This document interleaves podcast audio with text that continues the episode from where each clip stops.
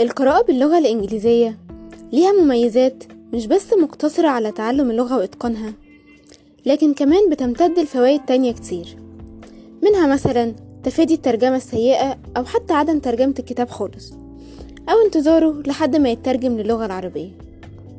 في الحلقة دي هتكلم عن ترشيحات لروايات باللغة الإنجليزية يكون مستوى اللغة فيها متوسط مش صعب قوي للناس اللي مستواهم متوسط أو مرتفع في اللغة الإنجليزية. قبل أي حاجة أنا نورة وأحب أقولك أهلا بيك في نادي الكتب. أول رواية هرشحها النهاردة هي رواية واندر واللي بتحكي عن طفل اسمه أوجست.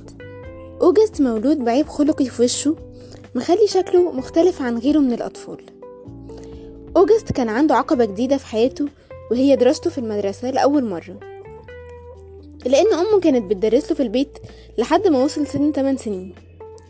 أوجست في الرواية بيحكي عن مشاعره تجاه المدرسة وأصدقائه والتنمر والتعليقات اللي كان بيواجهها من اللي حواليه.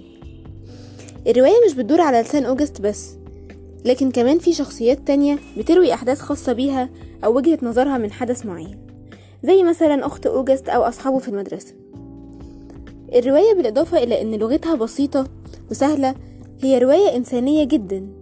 علمتني قد إيه مهم إن إحنا نعلم الأطفال تقبل الآخر واحترام الاختلافات بين البشر ومراعاة مشاعرهم.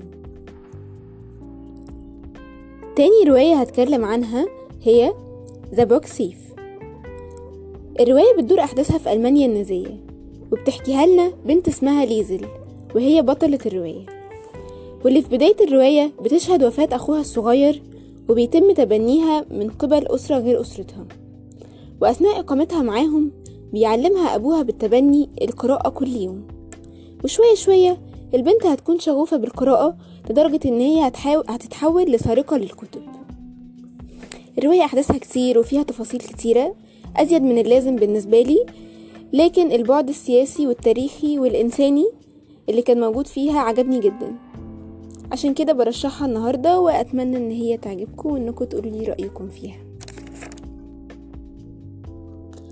تالت رواية هتكلم عنها هي Two can keep a secret if one is dead الرواية دي من النوع البوليسي شوية فهي مشوقة جدا. حتى وأنا بقرأها كنت حاسة إنها مناسبة قوي كسيناريو فيلم وتخيلتها كأنها فيلم أكتر من إنها رواية.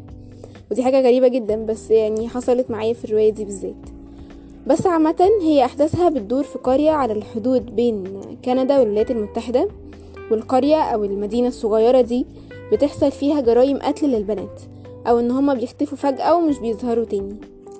أبطال الرواية هما ولد وبنت توأم بينتقلوا عشان يعيشوا في المدينة دي واللي هي أصلا كانت المدينة اللي اتولدت فيها أمهم.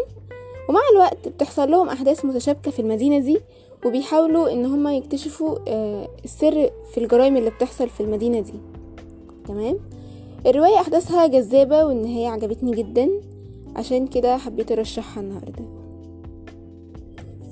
بس كده لحد هنا أنا خلصت الحلقة ولو عاوزين ترشيحات لكتب أكتر أنا عملت حلقة قبل كده عن كتب سيرة ذاتية باللغة الإنجليزية ممكن تسمعوها.